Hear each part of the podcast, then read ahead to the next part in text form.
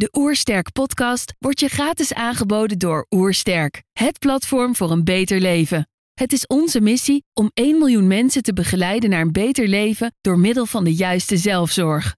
Wil je weten hoe jij kunt werken aan een beter leven? Ga dan naar www.oersterk.nu slash gezondheidscheck voor onze gratis gezondheidscheck en krijg direct jouw uitslag met persoonlijk advies. Mijn naam is Femme Zijlstra en je luistert naar de Oersterk podcast.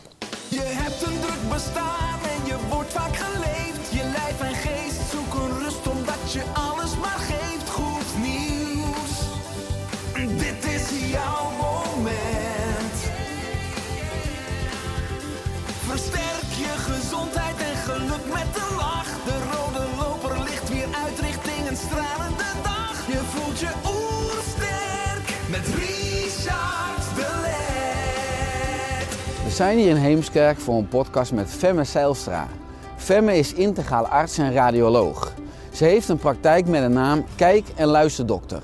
Ik ben benieuwd naar haar tips voor een beter leven. Trouwens, geniet je van onze podcast? Abonneer je dan en laat een reactie of review achter. Zo help je ons om het gezondheidsvirus te verspreiden. Let's start! De Oersterk Podcast. Een ontdekkingstocht naar een beter leven. Femme, welkom. Dankjewel, leuk om hier te zijn. Wederzijds, op je website staat de Kijk- en Luisterdokter. Jouw innerlijke gezondheid in beeld gebracht. En zie je maatschappelijk dat de gezondheid van binnen in de jaren steeds meer afneemt? Eh, ja, de gezondheid neemt denk ik in zijn geheel eh, af eh, in de maatschappij in eh, de laatste jaren. Maar ik denk dat inderdaad voornamelijk de innerlijke gezondheid ook eh, steeds duidelijker wordt wat voor rol die speelt in de gezondheid. En dat die inderdaad aan het afnemen is. Ja. Ja, Nou, dan gaan we wat dieper op in, hè, dit uurtje, deze podcast. Ik vind het leuk om te kijken ook op jouw levenspad, want in jouw opleiding geneeskunde was je zoekende. Eh, enerzijds omdat je weinig leerde over waarom er iets misgaat in het lichaam en dus ook waarom ziekte ontstaat. Je besloot radioloog te worden. Waarom en wat doet een radioloog precies? ja. Ja het is voor eh, veel mensen niet heel erg invoelbaar om eh, radioloog te worden. Terwijl het voor mij eigenlijk een hele logische keuze was destijds. Eh, althans, toen ik natuurlijk in mijn zoektocht bezig was om te kijken wat past nou eigenlijk bij mij. Eh, de twijfels die ik had, ehm, die berusten enerzijds wel een beetje op dat ik het gevoel kreeg dat als je als arts in het ziekenhuis zou gaan werken, dat je in 10 minuten, hè, wat je over doorgaans krijgt om in, in een spreekuur, om in 10 minuten eh, met een patiënt alles af te wikkelen. Zowel het lichamelijk onderzoek als een gesprek. En ik, ik dacht niet dat ik daar dat, dat, dat, dat bij me zou passen. En eh, daarnaast was het, had ik heel sterk die waarom-vraag. Dus het, het zoeken, het, zien, ziekte zien als een puzzel ook. Wat, wat speelt hier? En, en toen kwam ik in contact en aanraking ook met de radiologie. En daar kwam dat eigenlijk, eh, daar doet zich die situatie voor. Dat je eigenlijk een puzzel mag oplossen. Dus enerzijds dacht ik, dan heb ik wat meer de tijd om achter de schermen zeg maar, te werken aan de puzzel die ziekte eigenlijk is. En ehm, dan kom ik niet met mezelf in de knoei, omdat ik dan in 10 minuten eigenlijk de patiënt misschien helemaal niet eh, goed genoeg kan helpen in die korte tijd. En dan kan ik het meer achter de schermen doen. En dat is de reden dat ik radioloog ben geworden. Daarnaast kwam ik al heel snel achter, en dat wist ik al, dat een radioloog natuurlijk een heel brede, breed vak is. Het is een van de weinige specialismen die niet orgaangericht is, zoals bijvoorbeeld een cardioloog, en ook niet ziektegericht is, zoals bijvoorbeeld een oncoloog.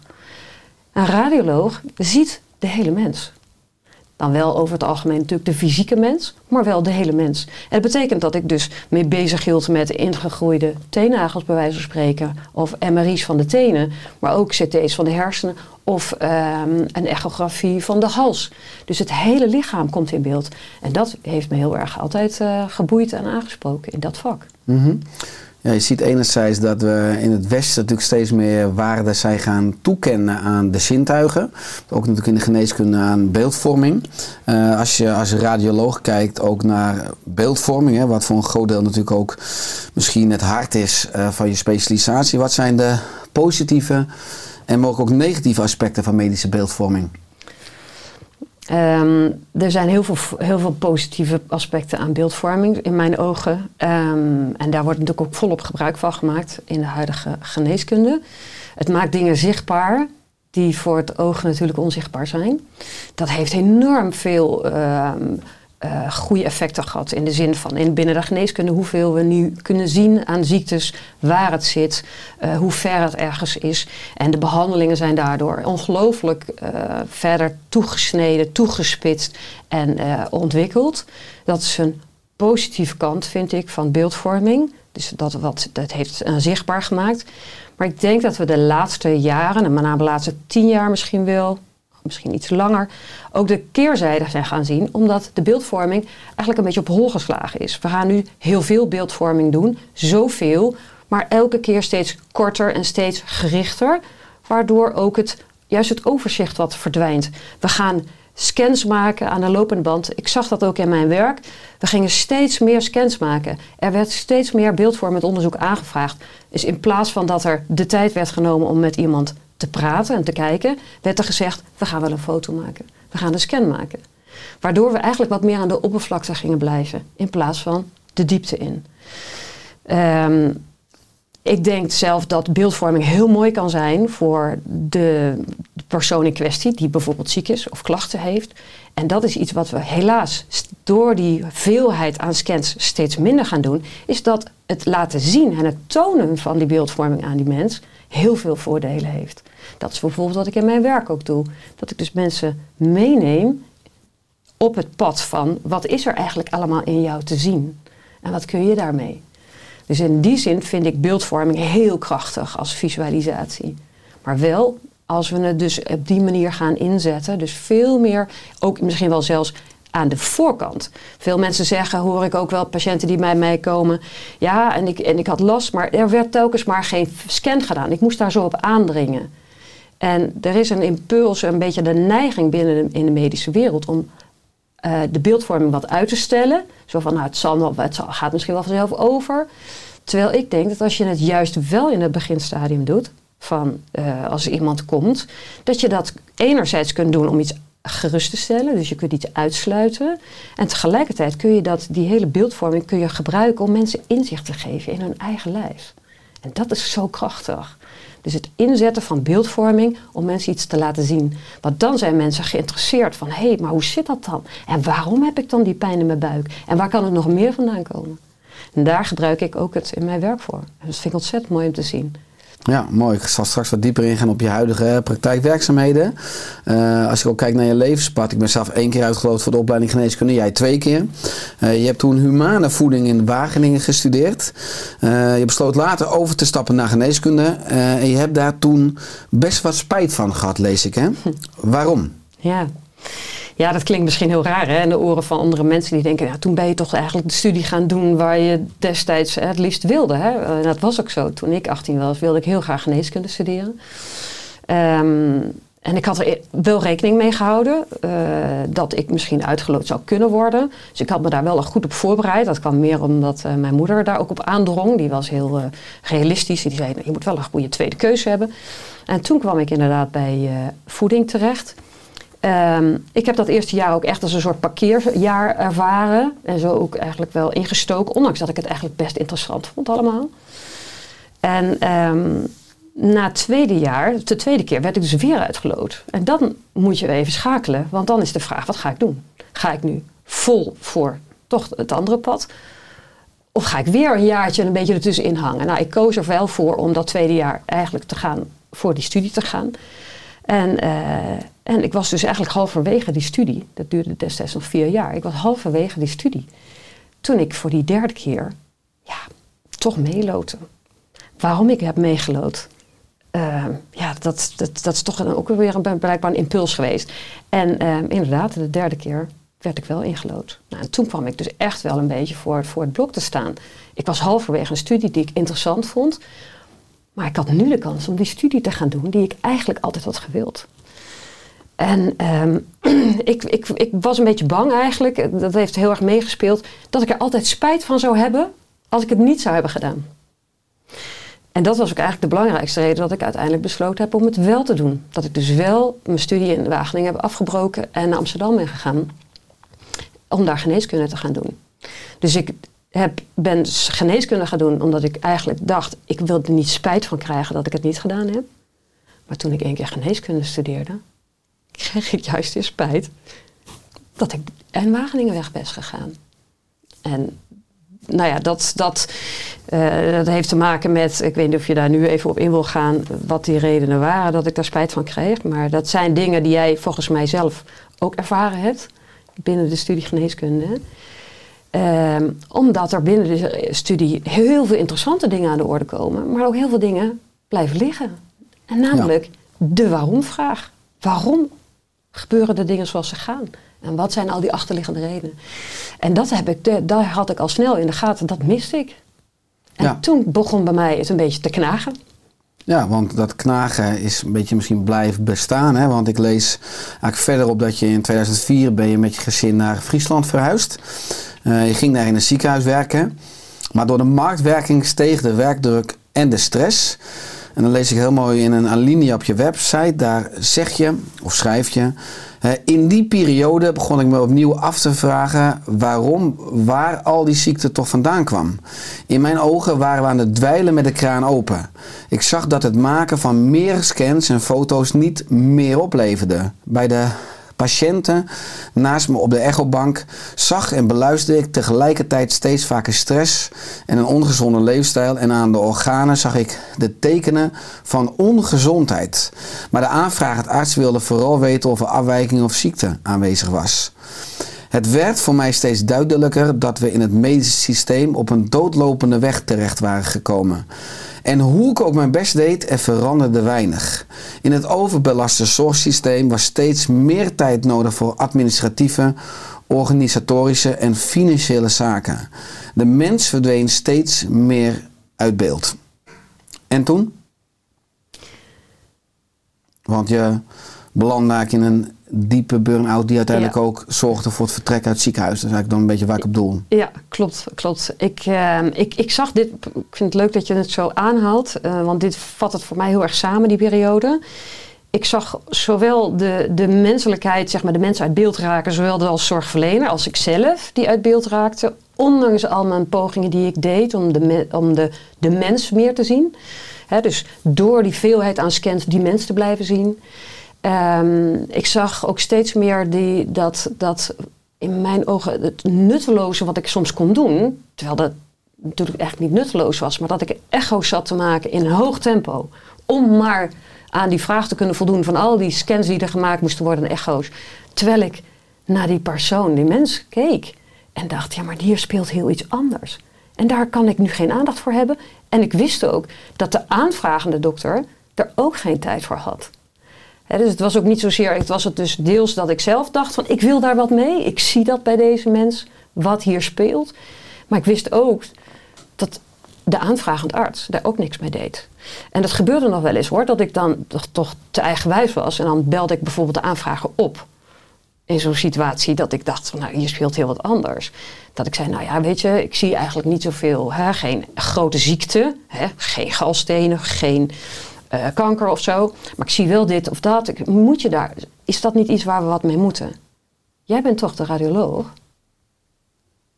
Ik heb die uitslag gekregen. Dus, eh, en dat, dat, dat heeft mij wel, ja, eigenlijk wel gefrustreerd. En ik voelde dat ik daar meer mee wilde.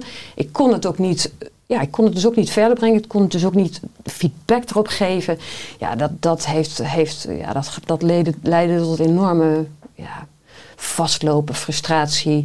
En, en, en die werkdruk die natuurlijk groot was, die werd steeds groter. Daar waar we in het begin dat ik daar kwam nog met elkaar konden praten over de zaken, over de dingen die ons bezighielden, eh de, eh, bij de koffie. Dat lukte niet meer. We waren alleen maar bezig om productie te draaien. En inderdaad het organisatorisch en financieel allemaal in orde te krijgen. Want ook daar begonnen die problemen te spelen natuurlijk. Die financiering van de zorg, alle betalingen en, en de manier waarop het hele ingewikkelde, complexe systeem in een ziekenhuis werkt. Ik had daar weinig affi- affiniteit mee, dat zul je begrijpen. Maar mijn collega's, ja, die, die, die vonden dat wel belangrijk. Dus ook op de vergaderingen hè, in het ziekenhuis stonden dat soort onderwerpen wel heel vaak geagendeerd. En de zaken waar ik me voor inzette, voor meer patiëntvriendelijkheid, meer aandacht voor die mens, ja, dat sneeuwde onder. En ik sneeuwde dus zelf ook onder. En, en ik heb het heel lang volgehouden. Wij zijn ook uit. Hè, ik, ik, ik heb ben daar gaan wonen in Friesland op mijn baan. Ik ben daar eigenlijk wel de kostwinner geworden. Eh, dus ik dacht, ja, ik, dit, is mijn, dit is mijn baan, dit is mijn toekomst. Ik moet nog beter mijn best doen om dit te laten slagen. Ik kan niet opgeven. Dus ik ben heel ver gegaan met mezelf. En dat heeft ook geleid tot echt een hele ernstige burn-out. En eh, dat was toch ook een beetje in de tijd dat het burn-out nog niet zo heel grijpbaar was. Veel mensen begrepen het ook niet. Ik zelf eigenlijk ook nog niet heel erg. Ehm, terugkijkend waren alle, alle, alle tekenen al jaren aanwezig. Hoe ik eh, in de auto soms gillend van frustratie en van verdriet en boosheid weer uh, het ziekenhuis naartoe moest. Als ik bijvoorbeeld tijdens mijn dienst gebeld werd en ik van huis weg moest omdat ik nou, was ik mijn kinderen aan het voorlezen of zo. En, en dan dacht ik, oh, kan ik er eventjes zijn? En dan werd ik gebeld. En dan moest natuurlijk een acuut iets. Ja, dan, dan word je opgeroepen. En dan, dan, dan kon ik gewoon niet meer. Dan, dan gilde ik het soms uit van, van frustratie. Heel ernstig. En dat, dat is maar doorgegaan en doorgegaan. En uiteindelijk dus een, een burn-out waar ook toen onbegrip was. Ook in het ziekenhuis, mijn collega's. Ehm, die dat eigenlijk niet begrepen. Ik zelf ook niet. En, en dat heeft denk ik ook te maken gehad. Dat, dat heeft ook gezorgd voor dat er. Nou ja, door dat onbegrip, dat ik ook het gevoel kreeg dat ik ja, dat je niet meer begrepen werd. Dat ik, dat ik mijn ei niet kwijt kon. En ik kon het ook niet meer zo goed zien hoe het dan wel, hoe ik het dan wel zou kunnen doen. Want het was mij wel duidelijk dat die zorg niet ging veranderen zo makkelijk. Daar had ik al die jaren natuurlijk, was ik daarop vastgelopen. En dat heeft uiteindelijk toe geleid dat ik, uh, daar vertrokken ben. Mhm. ja. Ja, die zorg ging niet veranderen. Enerzijds zeg je, dus je moet jezelf veranderen. Nou, ook in die diepe burn-out moest je jezelf weer opnieuw op gaan bouwen. ik lees dat je zegt, yoga en meditatie waren mijn redding. Ik werd geïnspireerd om mijn eetpatroon te veranderen en ging hardlopen. Het gevolg was dat ik steeds meer energie kreeg en 10 kilo gewicht kwijtraakte. Uh, hoe was enerzijds deze transformatie bij jou? En zie je misschien anderzijds ook bij veel vakgenoten, dus medisch specialisten, ook energieproblemen? Of ook misschien wel zingevingsproblemen, hè, waardoor ze misschien het vak begonnen zijn en nu dat ze ook zeg maar, vastzitten in die mal nu van het medische systeem? Ja, ja, het zijn twee, uh, twee vragen die je stelt. Um, voor mij was het inderdaad een enorme kantelpunt, waardoor ik uh, op een andere manier ben gaan leven eigenlijk. Ondanks dat ik het altijd wel voelde en ik las altijd al over dingen als meditatie, maar het, ik was er eigenlijk nooit echt zelf mee begonnen. Yoga ook ooit een keer een blauwe maandag, maar toen ben ik dat echt, echt serieus gaan doen en dat heeft voor mij heel veel in gang gezet. Ook dat voedingspatroon wat ik ben gaan veranderen. Ik werd ook geïnspireerd door destijds, dat is ook best wel een tijdje geleden. Hè, mensen die begonnen, langzaam begonnen over brood en over koolhydraten. Hè, dat is bij mij uh, de, de, belangrijkste switch die ik gemaakt heb naar meer eiwitrijk en gezonde vetten eten. Um, en ik zag natuurlijk in de loop van de jaren, uh, kijk, toen ik uitviel, was burn-out, wat ik net ook vertelde, nog helemaal niet zo vanzelfsprekend. Dat gebeurde nog niet zo heel veel. En ik was een van de eerste voor mijn gevoel die echt in zo'n burn-out terecht kwam. In dat ziekenhuis in ieder geval. Dat was toen echt nog een beetje een, een, een bijzonderheid. Maar in die tijd, dan hebben we het nu over 2000, dus zeker ruim, ruim 10 jaar geleden, 12, 13 jaar geleden, is dat wel heel erg veranderd. En zie ik ook mijn oud-collega's en ook de collega's met wie ik later nog weer in ziekenhuis werkte, zag ik eigenlijk met vergelijkbare problematiek. Dus die zingeving, het harde werken, eigenlijk net niet dat kunnen doen wat je eigenlijk voelt dat moet gebeuren. Dat je, je voelt dat je vanuit je hart iets wilt, maar dat dat niet kan. En um, het, is, het is op dit moment denk ik heel ernstig. Je ziet die getallen van, van burn-out. dat wordt nu wel allemaal heel erg serieus genomen door de beroepsgroep ook. Dat bijvoorbeeld van de uh, specialisten in opleiding, hè, dus die artsen die opleiding zijn specialist, een kwart burn-out tekenen heeft. Um, ik zie, datzelfde met de mensen met wie ik destijds, zeg maar, die nog wel in het circuit zitten. Ja, die zijn allemaal zoekende naar hoe kan ik nog dit volhouden? Hoe kan ik nog. Hè, ik zie mensen die bijvoorbeeld stoppen met, um, of die één keer in de zoveel tijd naar het buitenland gaan om daar te gaan werken. Om toch weer uit die malle molen, uit die red race te gaan, uit dat gevoel van, ja, ik, ik word geleefd. Ik kan eigenlijk niet vanuit mijn hart de zorg geven die ik ooit heb gewild. En um, ja, ik denk dat we op dit moment ook, ook zowel zeg maar, financieel zitten we natuurlijk met, met de problemen in de zorg, maar ook wat betreft de, de zorgverleners zelf, die, die allemaal op een laatste eh, tandvlees lopen. Mhm. Ja. Ja, je bent zelf een- ook een ander pad ingeslagen. Je bent in 2022 afgestudeerd als arts voor integrative medicine en leefstijlgeneeskunde. Eh, hoe was dat en wat brengt jou dit? Ehm, dat, eh, die opleiding die ik gedaan heb, eh, heb ik gedaan nadat ik al een aantal andere opleidingen ook gedaan had. Ehm, ik ben ooit begonnen met orthomoleculaire eh, therapie of orthomoleculaire geneeskunde. Maar een beetje weer terug naar mijn oude liefde, zeg maar, hè, voeding in Wageningen. En dat bracht mij al heel, veel. In ieder geval gaat, gaat dan de wereld verder open. Vanwege mijn eigen situatie heb ik aardig wat therapieën ook zelf ondergaan. Eh, ik ben eh, aangekomen net met de ACT, eh, Acceptance and Commitment Therapy. Daar gaat het ook heel erg over. Ja, wat, wat, wat, waar komt jouw gedrag vandaan? Wat, zijn je, wat is je diepe kern eigenlijk? Ehm, ik ben vervolgens ook een ehm, opleiding gedaan, de arts als coach. Omdat ik mij meer zie als een coach van een patiënt, cliënt, die diegene begeleidt, zeg maar, in het pad op zoek naar je eigen gezondheid, je eigen herstel. En dat was een hele mooie. Daar kwamen ook mijn eigen eh, thema's natuurlijk weer ter sprake. En ehm, het mooie, en dat, toen heb ik daarna dus die uiteindelijk de opleiding eh, arts tot integrative medicine afgerond. Want daar kwam eigenlijk alles samen. Dat is een soort van, voor mij was dat een soort wrap-up van al die facetten die ik in de jaren daarvoor had gedaan. Deels uit eigen ervaring met mijn voeding, beweging, yoga, meditatie.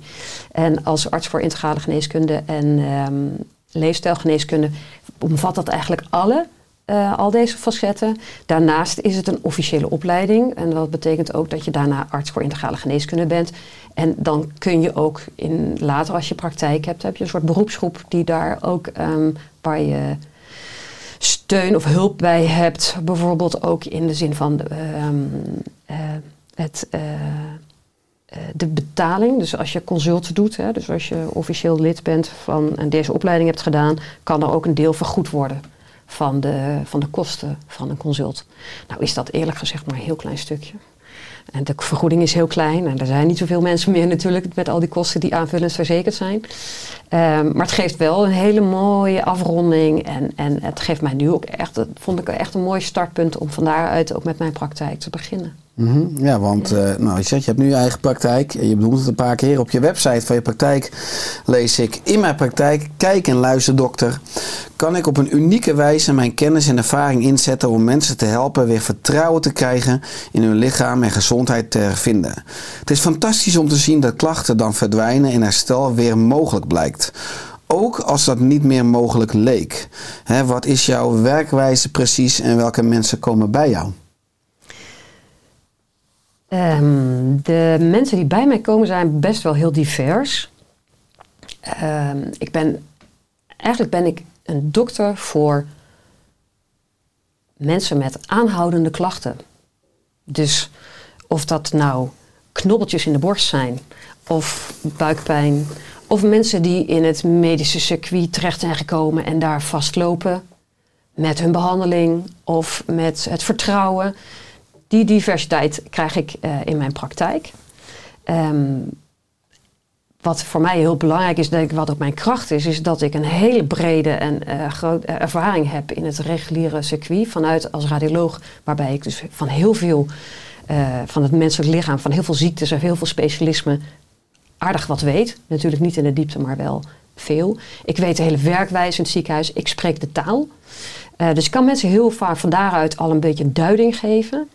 Daarnaast weet ik door alles wat ik nu inmiddels heb ervaren en heb geleerd, hoeveel klachten er een, een andere oorzaak hebben, een onderliggende oorzaak hebben, die in het medische manier van denken vaak niet aan de orde komt. En wat ik dan doe, is dat ik mensen eigenlijk meeneem op reis van dat medische blik naar een holistische blik. Een meer een blik, een brede blik, waarbij je op een andere manier naar de klachten gaat kijken en een ander perspectief hebt. Ehm, en dat, dat, die combinatie met name, merk ik van, dat krijg ik ook terug van de mensen, is heel fijn. Omdat ze het gevoel hebben dat ik in ieder geval medisch gezien heel degelijk ben. En kan ook kan uitsluiten dat er bijvoorbeeld iets anders is wat, wat een rol speelt. Hè, waar je dus wel wat mee zou moeten. Waar je misschien wel medisch moet ingrijpen meteen. Eh, en dat geeft dan ook een soort van zekerheid. Want dan is dat het niet. Dan kunnen we nu gerust wat meer over andere dingen praten.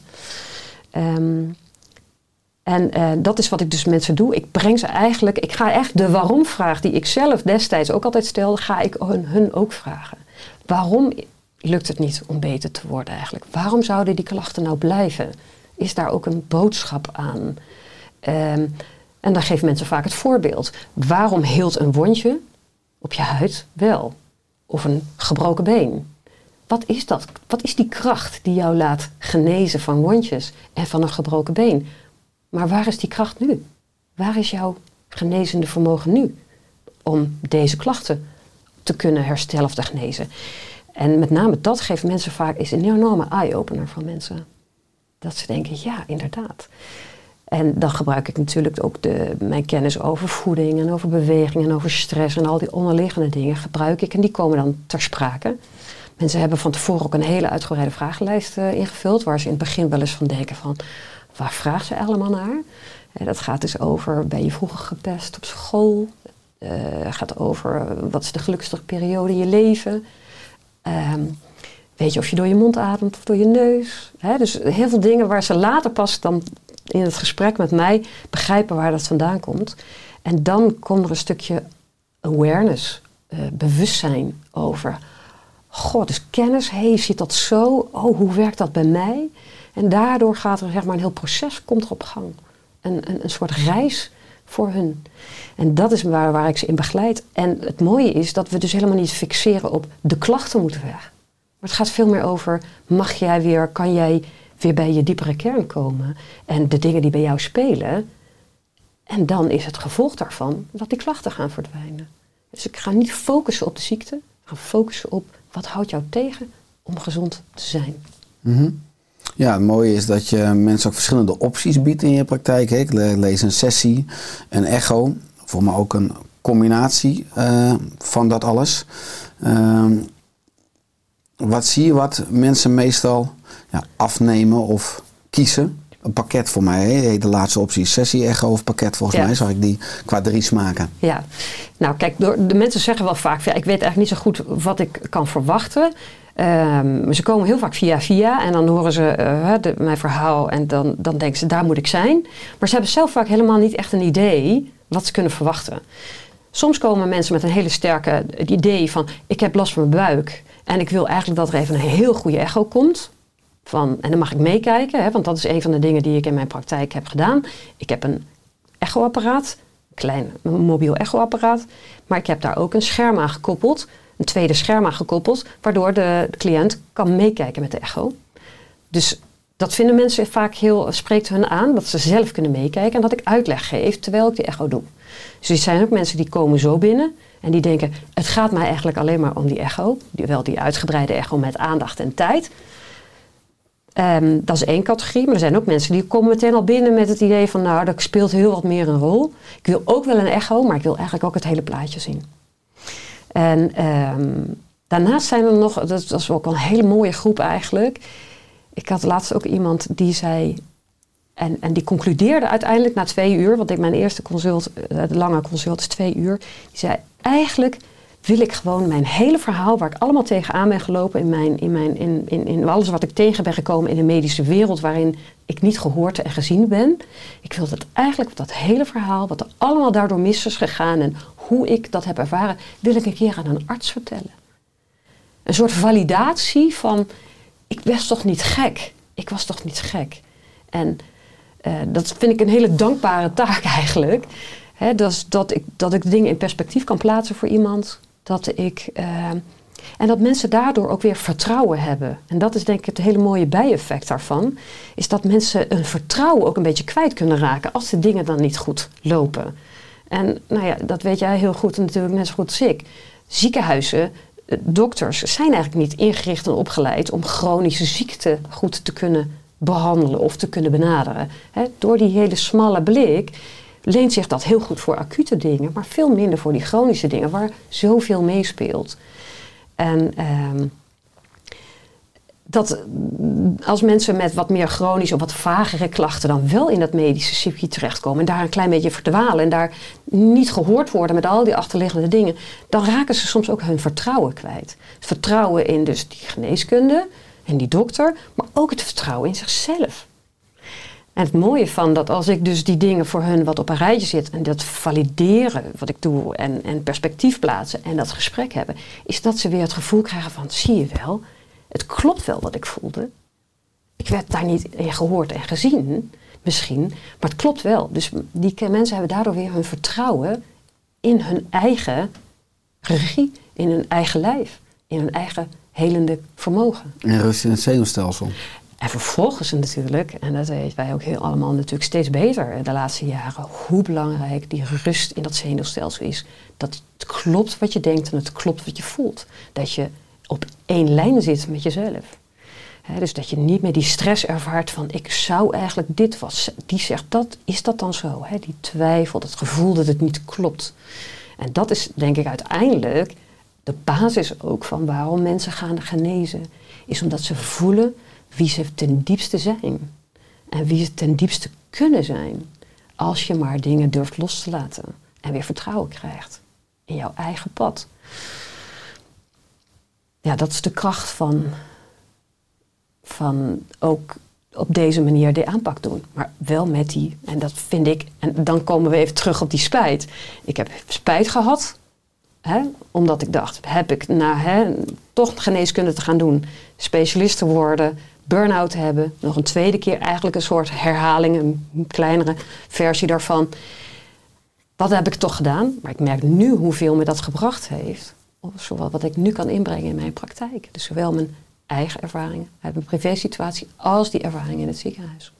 Ja, mooi, want je benoemde eerder in de podcast dat veel subspecialisaties hebben maximaal 10 minuten uh, voor een consult in het ziekenhuis. Je geeft nu aan dat je twee uur met mensen werkt. Hè? Uh, nou, ook op je website zie je natuurlijk ook uh, de prijzen, tarieven, hè, wat het kost. Hè. Dan zijn jouw diensten denk ik een stuk goedkoper dan de diensten en vergoedingen in het ziekenhuis. Dus vermoedelijk ook het salarissen wat je daar verdiende. heb je dit bewust gedaan? Ook dat je eigenlijk heel toegankelijk bent voor een grote groep? Ja, dat is een van de dingen als je, als je gaat, uh, voor jezelf gaat beginnen waar je heel erg over na gaat denken natuurlijk. Je gaat, uh, ik heb nogal wat collega's die ook uh, zoekende zijn, die ook beginnen in een eigen praktijk. Hè. Dat, is echt nu wel een, een, ik zie echt steeds meer collega's toch zoeken naar een, een, bredere manier om te gaan werken. Dat kan niet altijd binnen het bestaande concept hè, van, de, van, de, van het systeem van de gezondheidszorg. En die worstelen allemaal mee. Zoals uh, denk ik veel zorgverleners en professionals die zijn het ooit gaan doen, in ieder geval, in ieder geval ik, omdat je denkt dat je deze wereld uh, en de, de, mensen beter kunt maken, of in, in, een hele brede zin. En dat je eigenlijk nooit hebt hoeven nadenken over hoeveel kost het nou eigenlijk. En dat had ik ook nooit. Geen idee. En uh, toen ik hiermee begon, um, wilde ik inderdaad wel een beetje een soort middle of the road, een beetje ertussenin gaan zitten.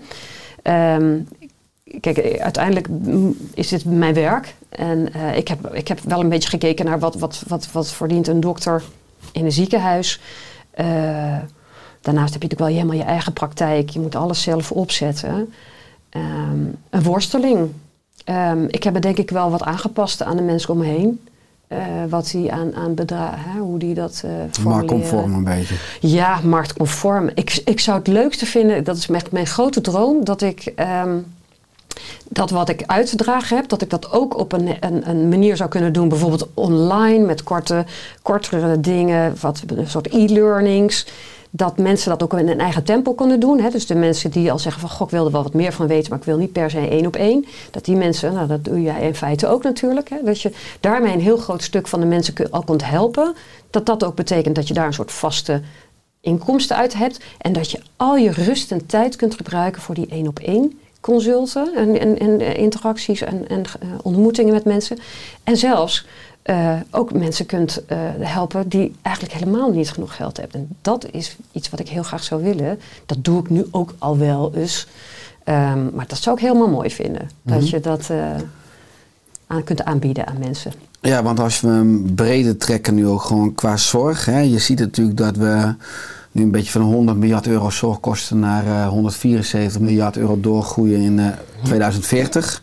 Hè, waar we mogelijk 400 euro per persoon per maand moeten gaan betalen aan de basiszorgverzekering. Hoe kijk jij nu naar de betaalbaarheid van de zorg ook richting de toekomst? Die getallen die jij noemt vind ik echt amazing. Ik weet dat die getallen circuleren, dat dat een reële verwachting is. Maar ik, ik vind het nog steeds bizar eigenlijk.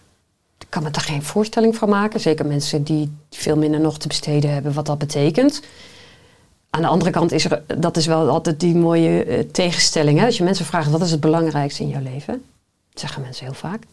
Gezondheid. Ja? Als je kijkt waar geef je je geld aan uit, is dat niet gezondheid. Hè, dus daar zit er wel een discrepantie. Maar die houden wij in stand, omdat we denk ik ons altijd blijven fixeren op ziekte en gezondheid. Terwijl ik denk dat het veel meer een continuum is. En omdat we ons altijd blijven fixeren op ziekte als die zich gemanifesteerd heeft, wachten totdat de ellende begint. En dan gaan we pas ingrijpen. En daar gaan we ons geld, daar besteden ons geld aan. Terwijl je natuurlijk veel meer kunt doen naar richting gezondheid. En nou ben ik niet een voorstander van tegen gezonde mensen zeggen: je moet gezonder worden. Dus mensen die totaal geen enkele klacht ervaren, niet mee bezig zijn, om die te zeggen van je moet gezonder worden. Maar er zijn natuurlijk het gros van de mensen, als je ze vraagt, ben je ziek? Nee. Eh, ben je een dokter? Nee. Dus heb je nergens last van? Nou, maar hoe is het met je ontlasting? Hoe gaat het met naar de wc gaan? Hoe is het met je slapen? Hè, dan kom je er dus achter dat heel veel mensen natuurlijk al onder de oppervlakte eigenlijk al wel ongezonder aan het In het worden oranje zijn. zit al, ja. In het oranje zitten. En dat is de interessantste manier om te gaan aangrijpen. Bij mensen die in het oranje zitten. Die soms in het oranje zitten en dan een keertje ergens naar een dokter gaan. Een keertje, omdat er een, even een event was. En dan zou je als arts kunnen denken... hé, hey, deze komt nu met een keer slapeloosheid... of, of een keer een, een, een, een, een keer met een, eh, een enorme obstipatieaanval of een periode. Dat is op zich niet heel ernstig. Ehm, je kunt natuurlijk zakjes geven en zeggen... Succes, u heeft gewoon wat, eh, wat eh, spastische darm, of dan moet u maar zakjes nemen. Maar je kunt ook dan kijken, hey, dit is een teken. Deze persoon zit in het oranje. Dat betekent dat er ongezondheid aan de gang is. Die op den duur natuurlijk gaat leiden tot ziekte, maar daar gaan we niet op wachten. Ik ga nu vast dat ongezond, dat oranje stuk, in dat oranje ga ik dat aangrijpingspunt zoeken met die mens. Maar dat betekent wel, want die mens heeft dat ook vaak niet in de gaten. Die denkt, nou, het was een probleem, het is nu opgelost, ik heb nu zakjes, bijvoorbeeld, hè, in dit geval. En die heeft vaak niet in de gaten wat er nog aan ongezondheid al onderliggend is. En dat, is, en dat is bijvoorbeeld één ding wat ik in mijn praktijk dus doe. Bijvoorbeeld met die echo die ik in mijn praktijk maak. Mensen komen met buikpijn, of die hebben last van hun buik. En als ik een echo maak, zie ik bijvoorbeeld, een van de dingen die je heel goed kunt zien op een echo, is leververvetting. Dan komt dat ongelooflijk veel voor. Als radioloog in opleiding werd mij verteld, ja, dat is eigenlijk een soort van normaal. Ja, klopt in deze westerse wereld, maar in een gezonde uh, bevolking komt dat helemaal niet voor. Maar goed, vervetting van de lever zie je vaak. Dat wordt heel vaak aan mensen, dat weten mensen helemaal niet. Dat weten de dokters ook niet. In de tijd dat ik radioloog was en ik stelde dat vast en ik schreef dat op in mijn verslag, dan zei ik, ja, zeiden ze altijd, ja, is niet interessant. Het gaat om, heeft u galstenen? Uh, is er kanker? Uh, ziet u anderen? Dat was eigenlijk de vraag. Maar als ik dan zei, maar er is ook leververvetting. Later realiseerde ik pas wat dat allemaal betekent. Hè? Als iemand leververvetting heeft, zichtbaar. En toen dacht ik ook al, dit is toch een aanknopingspunt? Dit is een mooi aanknopingspunt. Dat gebeurt dus ook op het moment dat ik dat laat zien. En als je dat dus laat zien aan iemand, en ik doe dat dus in de praktijk letterlijk, terwijl ze kijken naar dat scherm, dan zeg ik, zie je die lever? Nou, dat kunnen ze allemaal prima onderscheiden. Ik zeg, zie je de nier? Die ligt daar tegenaan, de rechternier, hè, die liggen tegen elkaar aan. En het, criterium, het is heel simpel, voor is er leververvetting, is dat de lever wat lichter van kleur is dan de nier. En dan zie ik, maak ik een plaatje en dan zeg ik, zie je daar de lever? Zie je daar de nier? En dan zeggen ze, ja, ja. Ik zeg, welke van de twee vind je nou witter? En dan zeggen ze, nou, het lever. Ik zeg, ja. Ik zeg, en dat betekent dus dat, het, dat die, die leverhoort eigenlijk dezelfde kleur te hebben als de nier. Als goed. Dus dit betekent vervetting. Dus ik heb dan op dat moment laat ik dus hun eigen leververvetting zien en diagnosticeren. Maar dat betekent dat opeens iets komt van, kan je dat zien dan? Dan maak je dus mensen bewust van die ongoing ongezondheid die er aan het inslijpen Onder een eigen motorkap. Ja. onder die eigen motorkap. En dat is een hele krachtige. En daar, gebruik, daar komt die beeldvorming dus weer. Dus je kunt wel tegen iemand zeggen, u hebt leververvetting. Maar dan denkt iemand, ja. Maar doordat je het kan laten zien, maakt het nog veel meer impact. Dan zitten die mensen dus in het oranje. En dat betekent, en het goede nieuws is, zeg ik dan altijd, dit is helemaal omkeerbaar. Hier kunnen we gewoon heel makkelijk. Dit, dit is geen enkel probleem. Oh, maar is dat erg dan? Hè? Mensen denken, oh god, is een ziekte. Nee, we gaan niet praten over ziekte. Dit is niet ziekte. Dit is gewoon ongezondheid. Dit is leefstijl. Ongezondheid. Die bij heel veel mensen eh, voorkomt natuurlijk in onze westerse wereld. En dat is ook helemaal niet per se nu erg. Je hebt daar helemaal geen last van. Omkeerbaar, maar wel een mooie impuls en een mooie motivatie voor mensen om met die gezondheid aan de slag te gaan. En dan kom ik even op het antwoord, echt antwoord op je vraag. Als we op die manier de medische wereld, zeg maar, de artsen, op die manier zouden laten kijken. Dus niet alleen maar kijken, is er ziekte? Nee, goed zo, gefeliciteerd, u mag weg. Maar hé, hey, hoe is het in die motorkap? Waar zit je? In het oranje? Dan gaan we daarmee aan de slag. Dan kan je met veel minder, natuurlijk moet je daar ook nog wat aan besteden, maar dan gaat het over bewuster worden van je leefstijl, bewuster worden van hoe je in het werk, hoe zit je met je werk, zingeving. Dus daar kun je hele mooie, leuke, relatief goedkopere programma's, gesprekken over hebben. En daarmee voorkom je dus op termijn al die ziekten die, nu, die we nu ja, eigenlijk allemaal laten gebeuren. Als we dat zouden doen, zouden we natuurlijk ongelooflijk goed betaalbaar zijn, deze gezondheidszorg. Ja, ja, dat is interessant, want die benadering vraagt ook een, ja, een, eh, een extra bewustwording en ook kennisindeling van de geneeskundeopleiding, zodat artsen die vaardigheden ook hebben. Met z'n allen dat perspectief van in het oranje laten we daar al bij gaan sturen. Misschien dan nog een stapje hoger. Hè. Wat zou je nog meer doen als minister van integrale geneeskunde? Hè, met onbeperkt budget, want nogmaals, we moeten dat schip op tijd gaan keren voordat de wal het schip gaat keren. Ja. Ik heb een groot deel van mijn leven gedacht dat ik, dat ik het schip kon keren. Al vanaf, vanaf het moment dat ik binnen de geneeskunde liep, dacht ik, ik zie, het, ik, ik zie dingen die andere mensen nog niet zien. En dat, dat is echt, hè, jij bent natuurlijk ook een van die voorlopers die daar tegenaan liep. Ik zat daar nog weer een stuk voor, waardoor ik eh, helemaal voor mijn gevoel eh, een van de weinigen was die, die, die dit soort hè, een bredere perspectief had. Althans binnen de ziekenhuismuren dan. Ehm, ik heb daar heel veel energie gestopt. Ik ben daar heel ver gegaan om te kijken hoe kan ik dat veranderen. Dus ik ben daar een beetje, en dat heeft me heel veel gekost, letterlijk en figuurlijk, eh, doordat ik daar ver in ben gegaan. Ehm, ik ben inmiddels wat ouder en wijzer geworden. En ik zie dat met veel wilskracht niet altijd het schip gekeerd kan worden. En misschien ook niet hoeft te worden, omdat het schip uiteindelijk vanzelf gaat crashen. Ehm, dus ik, ik accepteer meer dat, er, dat dat proces van het zorginfarct, wat zegt nu hè, aan. Ik, ik zit daar nu zelf niet meer in, niet meer zo direct. Dus ik heb die urgentie voel ik gelukkig nu ook niet meer zo. Dat geeft mij ook veel rust. Ik zie het om me heen, al mijn collega's en, en vrienden die dat, daar wel wel in zitten. Ik laat het eigenlijk wat dat betreft gebeuren en ik focus me nu heel erg op de manier waarop ik het doe. Ik denk dat als je vanuit je hart werkt en leeft en jezelf uit op een manier waarbij je niet per se die hele wereld hoeft te veranderen, dat het uiteindelijk meer effect heeft dan als je op de barricades gaat staan en heel erg gaat eh, met veel klem en nadruk probeert de dingen te veranderen. Dus ik zie mijzelf als niet als een minister van integrale ge- geneeskunde, bij wijze van spreken, omdat dat niet meer mijn taak is, mijn rol is. En ik denk dat dat voor meer, veel meer mensen geldt. Dat als we meer vanuit onze eigen kracht, van onze eigen rust, zonder dus een beetje los van je ego, van ik wil zo graag dit bereiken, gaat werken, dat dat uiteindelijk zeg maar een, een vlek is die zich verder gaat verspreiden en andere mensen gaat aansteken en mensen gaan denken hé, het kan anders, hé, het kan anders. Dus veel meer op een moeiteloze weg, zonder dat we daar heel veel op de barricades hoeven te staan of eh, pamfletten hoeven uit te delen. Ja, als je het hebt over die moeiteloze weg. Je hebt zelf veel interesse in het onderwerp qua placebo-effect. Volgens jou een ander woord voor het zelfherstellend vermogen. Hoe kunnen we deze kracht in de maatschappij en in de geneeskunde misschien ook nog beter inzetten? at large, zeg maar, de gemeenschap at large. Kijk, ik, wat ik doe is, is dat in het klein. Eh, het, eigenlijk het placebo-effect, zoals jij het zegt. Ehm, ik, ik, ik was vroeger enorm, de eerste keer dat ik dat hoorde, dat placebo-effect. Dat was ook zo'n situatie waarin ik dacht, het is eigenlijk precies andersom. Ik heb vaker in mijn leven dat ik dacht, hè, het is eigenlijk precies andersom.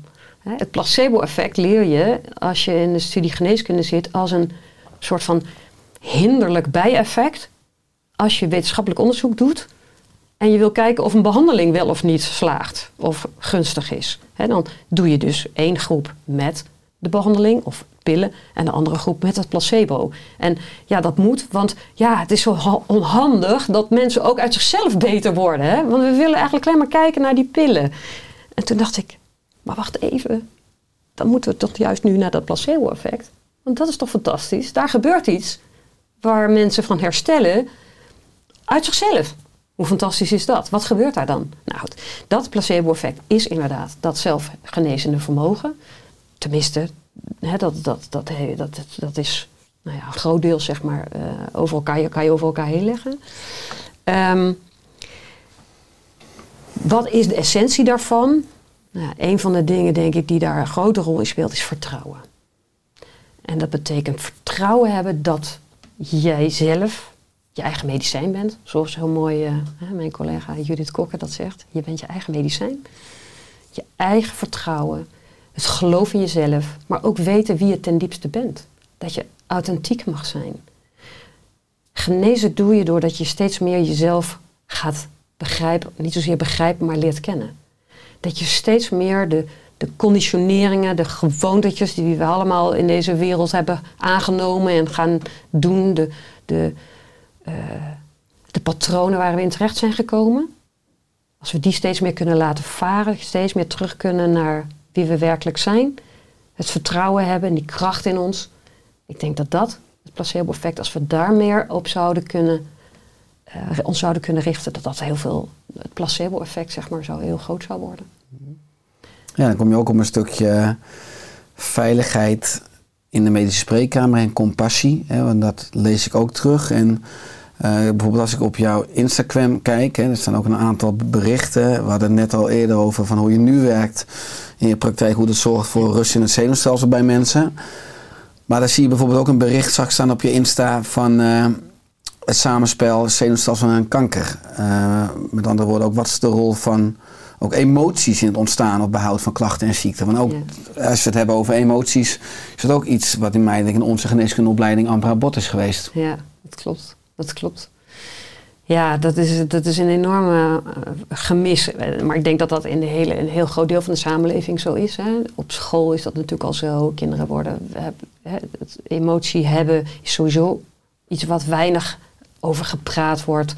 Ehm, de laatste jaren komt daar natuurlijk heel veel over. Wordt daar heel veel over bekend. Hoeveel de emoties die wij wel voelen, maar eigenlijk niet willen voelen, hoe groot dat een rol speelt in het in stand houden van bepaalde patronen. Dus ook in stand houden van ziekte. Ehm, de, de vraag dient zich bij, bij mij wel eens op en dat, daar heb ik ik twijfel soms om daar, om daar, om daar zo'n antwoord op te geven. Wat is nou echt de oorzaak van ziekte? En voorheen dacht ik nog wel eens van ja, alle chronische ziektes hebben te maken met bijvoorbeeld hè, dat, dat onderdrukken van ons werkelijke zelf, van onze eigen, hè, die emoties. Ik denk inmiddels dat eigenlijk alle ziekte uiteindelijk daarop gebaseerd is. Ziekte die dus niet alleen maar de chronische klachten, maar echt alle ziekte heeft uiteindelijk als basis, waar het allemaal deep down, als je naar de wortel van de wortel naar de grond geoorzaakt gaat, gaat over het niet zijn wie je bent. Het niet at ease zijn met wie je ten diepste bent. Dat is zo mooi in het Engels. Niet at ease zijn is dis-ease. En ik weet niet of ze daar ooit zo over nagedacht hebben bij dat woord, maar ik vind dat altijd wel heel mooi. Dis-ease. Je bent niet op je gemak met jezelf. En ehm, uiteindelijk leidt bijvoorbeeld dat tot een niet at ease zijn van je cellen. Dus het niet at ease zijn is niet alleen maar het gevoel van ik voel me niet happy, maar dat gaat ook over dat die cellen waar jij uit opgebouwd bent, wij zijn een en al een verzameling cellen, plus een heleboel bacteriën. Maar wij zijn ons lichaam. Wij hebben niet zozeer een lichaam, maar wij zijn ons lichaam. Dus als wij niet at ease zijn, zijn onze lichaamscellen ook niet at ease. Dan zijn die cellen die dat ook nodig hebben om te kunnen floreren, als dat ook ontbreekt, gaan die ook niet meer goed functioneren. En dan gaan er allerlei processen een kans krijgen. Dan gaat er een proces bijvoorbeeld in de maag, waardoor het zuur te veel wordt geproduceerd. Maar dan gaan ook cellen die zich eh, niet goed delen, die we normaal gesproken kunnen. Hè, het lichaam is in staat om die cellen weer te, tot halt te roepen. Dat lukt dan bijvoorbeeld niet meer. Dus uiteindelijk krijg je van daaruit allerlei dysfunctionerende cellen. Want die geven eigenlijk uitdrukking aan datgene wat van, bij ons van binnen ook niet at ease is. Ja, vind ik zo mooi aan je perspectief. En vind ik ook mooi dat ik als ik kijk op LinkedIn bijvoorbeeld, er staat onder jouw naam, dat is ook de rode draad van de inhoud van deze podcast, maar er staat open-minded arts en mens. En hoe kijken vakgenoten naar jou? Nou, die zullen dat wel herkennen. De open-mindedheid. Ehm, maar dat is voor heel veel mensen natuurlijk juist het lastige. Als je open-minded bent, dan, dan, dan accepteer je eigenlijk dat er niet één waarheid is. Dat er niet één perspectief is. Dan sta je daar dus voor open. Dat betekent ook dat, eh, dat je vaak vragen stelt van... zijn er ook andere manieren om iets te doen dan wat we nu tot nu toe hebben gedaan? En dat is voor mensen die, die dat lastig vinden, die wel in één bepaalde richting denken, soms kan dat bedreigend zijn. En dat kan onrust veroorzaken. Want dat betekent dat er dingen op de schop kunnen gaan. Dat er dingen zullen gaan veranderen. En heel veel mensen willen liever niet dat het verandert.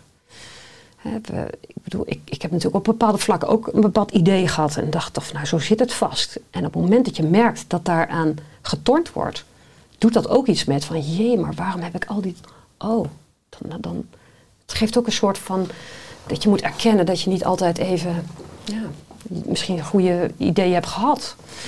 Dus een open-minded zijn is voor gek genoeg, en binnen de geneeskunde merk ik dat vooral, hè, want dat is, dat is bekend. Hè, dus het is een, toch een vrij ja, smal perspectief, denk ik. Ondanks dat we natuurlijk in de diepte enorm veel fantastische dingen doen, blijft het een bepaalde manier van kijken. Een cognitief bastion. Ja. Ja, ja. En, ehm, en, en op het moment dat je open-minded bent, zeg je, god, zou dat zo zijn? Kan het ook anders? En dat was ook wat ik natuurlijk heb ervaren in mijn, in mijn hele carrière. Dat mensen zeiden, ja, maar ja, ja dat, dat is niet handig. Als je altijd laat zien dat er ook andere mogelijkheden zijn. En dat ben ik ook wel eens hoor. Dat je ook soms moet zeggen, jongens, we gaan nu die kant op. En dan moeten we nu maar eventjes niet meer eh, alle zijpaadjes inwandelen. En dat is natuurlijk wel een beetje een gevaar. Daar heb ik ook wel last van gehad hoor. Dat ik dacht van, oh, maar dit ook en dit ook. En ja, ik zie wel weer het volgende paadje. Waar we weer en nog weer beter en nog weer verder kunnen gaan. Dus het is zeker goed om dat wat te begrenzen. Uh, maar open-mindedheid is wat mij betreft altijd een hele goede eigenschap geweest. En ik zag het ook altijd dat het een goede eigenschap was, een mooie instelling. Maar ja, ik heb er uh, ook wel last van gehad. Mm -hmm. ja. ja. om open-minded te zijn of te worden en te blijven, ben je ook door heel veel mensen geïnspireerd. Uh, lees terug hè, dat je verschillende inspiratiebronnen hebt, zoals Eckhart Tolle, Sek Bush, uh, Judith Kokke, ook de gast geweest in onze podcast, en Cabo Maté. wat hebben deze personen voor jou betekend? Verschillende dingen hebben ze betekend. Kijk, Judith Kokke was een, uh, is, is ook al heel lang geleden, eigenlijk een van de pioniers hè, van integrative medicine. Kinderarts. Ja. Kinderarts, ja. ja. En uh, die is op de achtergrond, hè, ik heb altijd gedacht, god, die kan dat, die doet dat. Het was altijd een soort van, zie je, die kan het. En zo zijn er nog wel wat meer mensen geweest hoor, maar Judith was ook wel... Um, dus dat, dat heeft mij voor, voor mijn werk hè, als arts ook wel betekend. Datzelfde geldt eigenlijk ook wel voor Zack Bush. Zack Bush, ik weet niet of mensen hem kennen. Hij wordt steeds uh, bekender. Is een Amerikaanse arts. Althans, tot voor heel kort was hij nog geregistreerd als arts. Maar dat heeft hij inmiddels uh, laten verlopen. Hij was ooit eh, gespecialiseerd, hij deed endocrinologie, was hij, hij deed onderzoek naar chemo. Ehm, en hij heeft toen een jaar of, nou, ik denk nou, ruim tien jaar geleden, of misschien wel meer, is, heeft hij ook zeg maar, tot inzicht gekomen dat, dat, dat als je meer afstand neemt en meer met een brede blik kijkt naar ziekte, dat je dan op een hele andere manier naar, naar ook behandelingen kijkt en naar hoe wij uh, ziekte aanvliegen. Hij heeft in korte tijd zo'n breed perspectief gekregen, dat hij zelfs al die linkjes legt, ook met alle andere dingen in, de, in, de, in, in onze universum eigenlijk. Um, zowel op microcosmos als op macrocosmos schaal. Waarbij die de verbondenheid, de innige verbondenheid tussen alle lagen eigenlijk laat zien en heeft geëxploreerd en nu ook uitdraagt. Waarbij niet alleen maar de, waarin hij laat zien dat gezondheid eigenlijk alleen maar bereikt kan worden. Hè, dus health kan alleen maar health zijn in het kader van planetary health. En dan heb je het over de innige verbondenheid van ons als mens met de natuur. Dat wij deel uitmaken van moeder aarde, van het universum. En ik krijg altijd kippenvel als ik naar hem luister en nu ook als ik over hem praat. Omdat hij, hij dat laat zien hoe alles met alles verbonden is. En natuurlijk zullen we af en toe ons moeten focussen ergens op om iets te begrijpen. Maar het elke keer weer goed om te kijken wat is de samenhang tussen de dingen. Waardoor hij bijvoorbeeld ook, hij is niet alleen maar arts. Hij was op een gegeven moment ook, hij is ook uh, filmmaker geworden. Hij heeft een documentaire gemaakt over het belang van gezonde grond. dus dat microbioom, waar heel veel mensen inmiddels ook wat over weten, hoe belangrijk dat is, dat wij eigenlijk voor de helft van ons zijn is eigenlijk microbioom, hè, zijn bacteriën. Wij kunnen niet leven zonder bacteriën. En wij staan in een continue verbinding via onze bacteriën met de grond. We zien het niet, maar de beestjes en de, alle kleine uh, uh, micro-organismen die overal hier in deze ruimte zijn, die in de grond zitten, die zijn continu, die zitten op ons eten, die komen op ons. Wij zijn een en al natuur en verbonden met alles. En als je in dat perspectief kijkt, begrijp je ook steeds meer hoe belangrijk het is dat we het ook in zijn geheel allemaal gaan bekijken en gaan aanpakken. Dat het dus goed is om vanuit een small perspectief weer steeds weer te verbreden. Nou, dat, dat, dat, dat Zack Bush dat doet. Dat, en, en daarnaast heeft hij een ongelooflijk ontzag voor de geschoonheid van, van, van de wereld ook, van de aarde. En uh, ja, ik, de manier waarop hij kan poëtisch uh, uitingen geven van zijn, van zijn ontzag voor de intelligentie van het universum. Uh, ik vind hem een healer haast. Uh, terwijl hij ook weer hartstikke, hij weet alles over, over de metabolisme en over hoe dat zit en waarom bepaalde pesticiden. He, hij laat ook zien de kracht van, of de, de schadelijkheid van de pesticiden, van de chemische middelen die wij gebruiken in de hele wereld. Zowel om onze grond, zeg maar, waarbij onze grond wordt aangetast, maar die tegelijkertijd het menselijk lichaam natuurlijk ook aantast. Um, ja, dit is echt een diepe inspiratie voor mij. Um, groot voorbeeld. Daarnaast Eckhart Tolle is eigenlijk, als ik weer een beetje verdwaal in hele verhalen en, en, allemaal mooie ideeën en plannen, en, dan is Eckhart Tolle voor mij altijd weer degene die me een beetje met beide benen op de grond zet. En the power of now. En het hier en nu zijn. Hij is op een zo bescheiden wijze. Zo kan hij de essentie naar voren brengen. Weer herinneren. Kan je weer herinneren aan de essentie van wie je bent. Dat er eigenlijk niets anders is dan nu. Het hier en nu. En dat al het andere zijn gedachten. Al het lijden van deze hele wereld, van mezelf. Waar ik me de hele dag druk om maak. Dat is allemaal gedachten. En ik luister vaak s'nachts. Ik heb een periode gehad dat, dat, dat, ik het echt nodig had. Dat ik het moeilijk vond om te slapen. Dat ik terugkeek op mijn leven en dacht: wat heb ik er nou eigenlijk allemaal van gemaakt? Waar, wat voor keuzes heb ik er eigenlijk gemaakt? Want het is me allemaal niet in de koude kleren gaan zitten, al die, die gebeurtenissen. En dan ging ik, als ik ging slapen, neem ik mijn oortje in en dan ga ik naar Eckhart Tolle luisteren. Over de deep eye, wie wij ten diepste zijn. En dat, ehm, dat geeft me heel veel rust. Daar kan ik altijd naar terugkeren. Ja, mooi als je het hebt over misschien ook dan dieper weten. Ook de koppeling van de menselijke gezondheid met de vitaliteit van de aarde. En ook, ook de verbinding die we als mens hoort hebben met natuurlijke elementen. Nou, je zwemt dagelijks in het water achter je huis. Wat heeft het koude water je geleerd? De korte versie is dat het koude water mij heeft geleerd te aanvaarden.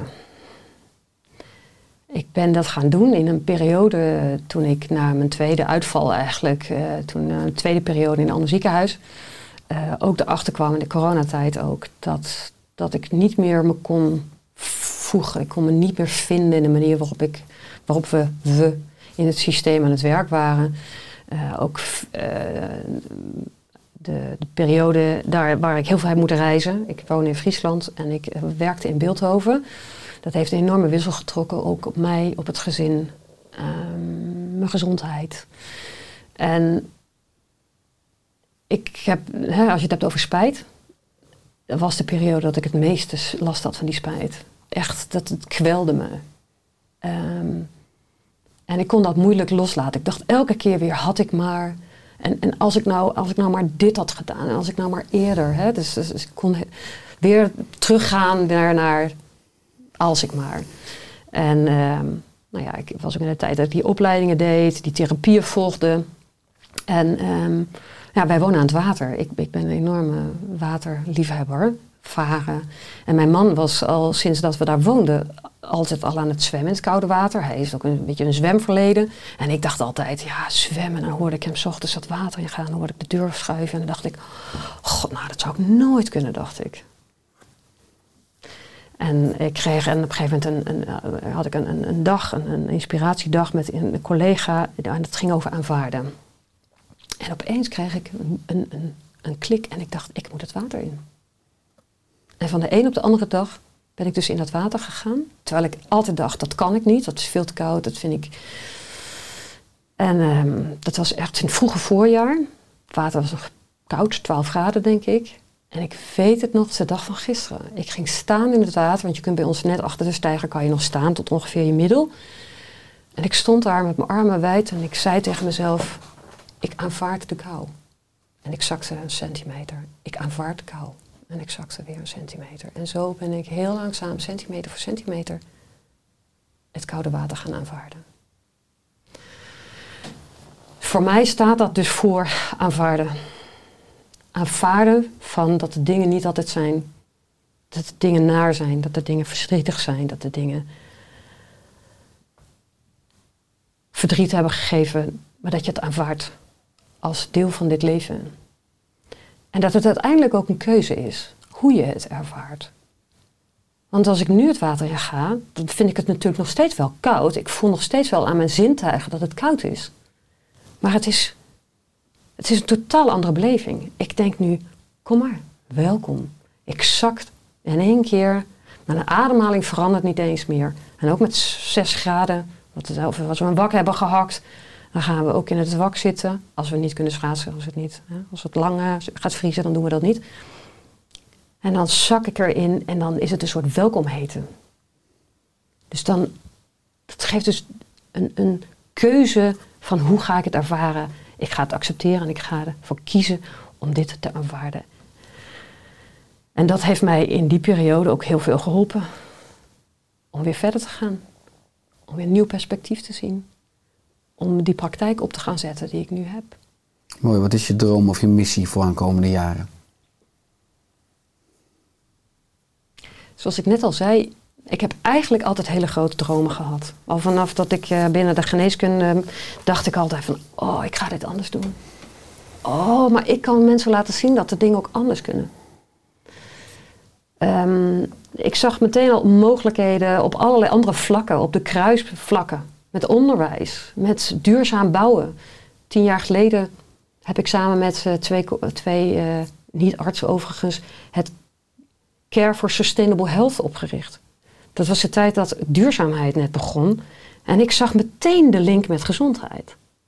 Terwijl heel veel mensen tegen mij zeiden: wat heeft duurzaamheid nou met gezondheid te maken? Daar ben ik ook helemaal ingesprongen. Samen met een aantal mensen. We hadden destijds ook het Sustainable Healthcare Lab. Dat was een landelijk initiatief. Ik maak het eigenlijk altijd al snel groot. Omdat ik zoveel dwarsverbanden zie. En mogelijkheden en potenties zie. En ehm, ik heb ook gemerkt dat dat vaak ehm, juist voorkomt dat je, dat je ook in de praktijk de dingen voor elkaar krijgt. Ehm, dus ik probeer nu heel erg mezelf elke keer weer te denken van ja, waarom wil je het nou zo graag? Dan denk ik, oh ja, ik wil graag groter. En ik wil graag. Jij, jij bent bijvoorbeeld een grote inspiratie voor mij. Ehm, ik weet nog heel goed dat ik de eerste keer jou sprak, je boek las en sprak en dacht, mijn hemel, dit is precies zoals ik denk. En hij heeft gewoon ervoor gekozen om. En die heeft nu gewoon een bedrijf. Nou, ik weet inmiddels dat dat jou ook heel veel heeft gekost. En hè, dit opzetten daarvan. Ehm, en toen dacht ik, oh, dat wil ik ook. E-learnings, die online courses. Eh, ik wil podcast. Ik denk dat ik al tien jaar een podcast wil maken. Maar het komt er niet van, omdat er te veel dingen zijn. Omdat ik denk ik te veel, te snel het juist groot wil maken. Dus de laatste, de afgelopen jaar met name, nu ik dit opgezet heb, probeer ik telkens weer te denken: oké, ga het eerst dat doen in je eigen. Dus ga dit eerst eens opzetten. Ga zorgen dat dit werkt. Ga het doen zonder dat je meteen de hele wereld wil laten zien wat je aan het doen bent. En dat het nog mooier kan en nog beter kan. En ook zo. En ook zo. Dus ja, ik heb wel dromen. Ik heb ook wel eens dromen dat ik een soort oersterk ga worden, maar dan vanuit meer net iets medischer, zal ik maar zeggen, voor mensen met chronische klachten. Ehm, is trouwens wel heel leuk om te vertellen misschien nog. Ik, eh, er is ook een organisatie die dit, eigenlijk het gedachtegoed van waar ziekte vandaan komt. En als je daar met een bredere blik naar kijkt, dat je mensen kunt laten herstellen die daarvoor soort van opgegeven waren. Hè, dus waarvan door de medische wereld wordt gezegd, nou, je moet er maar mee leren leven. Soms hele ernstige situaties, mensen die in een donkere kamer liggen, niet niks meer kunnen of, of wat ook. Daar is de stichting Emoveren uit ontstaan. Iemand die zelf die ervaring had, die helemaal hersteld is, door op een bredere manier te gaan kijken naar die ziekte en die klachten. Dat heeft mij ook enorm geïnspireerd, dat geeft mij ook kracht. En via die weg, omdat ik in de raad van advies zit bij eh, de Immoveren, een hele mooie organisatie met zowel ervaringsdeskundigen als professionals. En ik ben eigenlijk beide. Hè. Eh, maken we dat ook, dat gedachtegoed zijn we aan het verspreiden. Marion Omen is ook de gast geweest in onze podcast hè, over dat is ook Stichting zo. Emoveren. Marion. Dus ja. voor de oplettende luisteraar kijken, dan kan een lampje gaan branden van hé, hey, daar heb ik een keer eerder over ja, gehoord. Ja. Klopt. klopt. Marion is de oprichter daarvan. En eh, ik mag daar in de Raad van Advies meedenken en kijken hoe kunnen we dit gedachtegoed verder verspreiden. Dus eigenlijk meer via dit soort dingen probeer ik het groot te maken en in mijn eigen eh, wereld te blijven. En ik sla erg graag nog de verbinding. Dus ook met de medische wereld, omdat ik weet hoeveel mensen daar eh, rondlopen die eigenlijk ook vanuit hun hart denken: ik wil het zo graag anders. Ik wil wel anders. Ik wil wel breder. Ik wil wel menselijker. Maar het lukt nu niet binnen dat systeem. En om daar de verbinding en de brug te slaan naar hun, die mensen die daar zijn, de, de verpleegkundigen ook, de, maar ook mijn collega artsen, die natuurlijk het meest zijn hè, gedrild eigenlijk in het systeem en het minste de bewegingsruimte eigenlijk hebben. Maar ook al die verpleegkundigen en al die andere professionals die eigenlijk vanuit hun hart weten, ik wil dit graag anders. En dat kan. En dat wil ik ook heel graag laten zien. Maar dan op een manier dat het behapbaar is en dat het mensen inspireert. Mooi, dat doe je. Is er aan het einde van het podcast nog iets dat je graag wil toevoegen of aanvullen?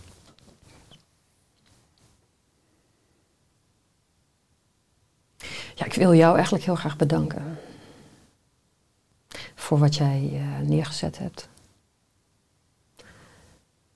Kijk, het, uiteindelijk gaat het er niet om dat ik niet een oersterk, wat ik heel graag had gewild, had neergezet. Het gaat er niet om dat ik dat niet ben, maar jij hebt het gedaan. Uiteindelijk gaat het erom wat er neergezet wordt in de wereld. Vanuit ons als geheel. En niet, want zo gauw we denken, ik wil het neerzetten, wordt het een ego-dingetje. Misschien meer een ego-dingetje. Jij hebt dit gecreëerd. Fantastisch. Ik maak daar gebruik van. Ik verwijs heel veel mensen naar jouw website. Als ik zeg, vind je het interessant om wat meer te weten over je gezondheid. Ik blijf ver weg van allerlei diëten en, en moderne en allerlei inzichten die altijd weer veranderen. Want jij doet de dingen vanuit de basis. Vanuit dicht bij jezelf. Vanuit oer. Vanuit wat past bij jou. Kijk naar de natuur. En neem daar de dingen van mee. En dat vind ik een fantastisch mooi uitgangspunt. En met heel veel plezier en liefde geef ik dus in plaats van mijn eigen dingen te laten zien, zeg ik: ga maar naar de website van Richard. Dus dank je wel daarvoor. Met liefde, jou ook dankjewel. En waar kunnen mensen nou meer vinden over jou, over je praktijk, over je activiteiten? Um, ik um, ben te vinden op mijn website, kijk en luisterdokter.nl. Uh, ik probeer op social media wat actiever te zijn. LinkedIn uh, gebruik ik graag. Ik vind LinkedIn een mooi uh, medium aan het worden, waar veel steeds meer aandacht en ruimte is voor niet alleen maar puur zakelijk, maar ook voor dit gedachtegoed. Ik krijg er ook veel inspiratie van. Uh, maar dat wil ik graag nog wat meer gaan uitbouwen. En op Insta probeer ik ook op de modernere manier wat meer de mensen te, te binden. Maar dat is nog allemaal in de maak. En ik zou ontzettend graag zelf een podcast beginnen. En nou ja, mocht je nog eens ideeën hebben om zo'n podcast dus op een andere manier te gaan doen, met een heel een long format of met meerdere mensen. Ik heb daar alle ideeën over. Dat we zoveel mogelijk die kruisbestuiving gaan, gaan, gaan met elkaar gaan vinden omdat het uiteindelijk allemaal om de, al die verschillende facetten gaat. Het gaat om al die linkjes die we met elkaar hebben. Dat zou, uh, dat zou ik heel graag nog een keer uh, willen doen. Absoluut, heel leuk. Spraak wel een beetje over voor deze podcast. Maar het zaadje is geplant inderdaad. Fijn. Dankjewel Femme voor uh, je komst in de Oelstuk podcast. Heel graag gedaan. En dat we samen maar mogen werken aan een wereld waar we ook als zorgprofessionals met nog meer rust, veiligheid, compassie naar mensen luisteren en kijken. Alle goed. Dankjewel. Ja, ja.